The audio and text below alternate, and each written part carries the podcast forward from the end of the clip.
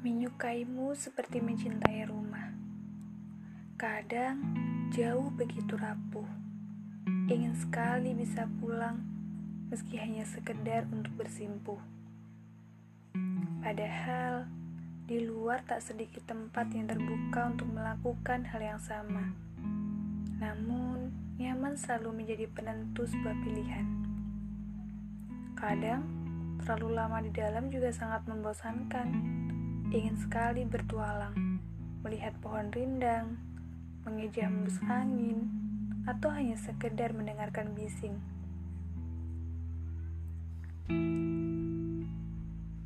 Tetapi, sejauh mana pun kaki menapak, sejauh mana pun langkah beranjak, peluh tetap butuh penghapusan, riuh tetap butuh kedamaian, juga keluh yang tetap butuh rengkuh.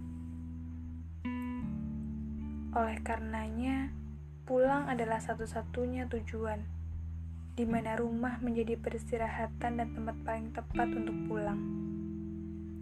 Ya, menyukaimu seperti mencintai rumah. Meski jauh, selalu ada langkah untuk kembali berteduh.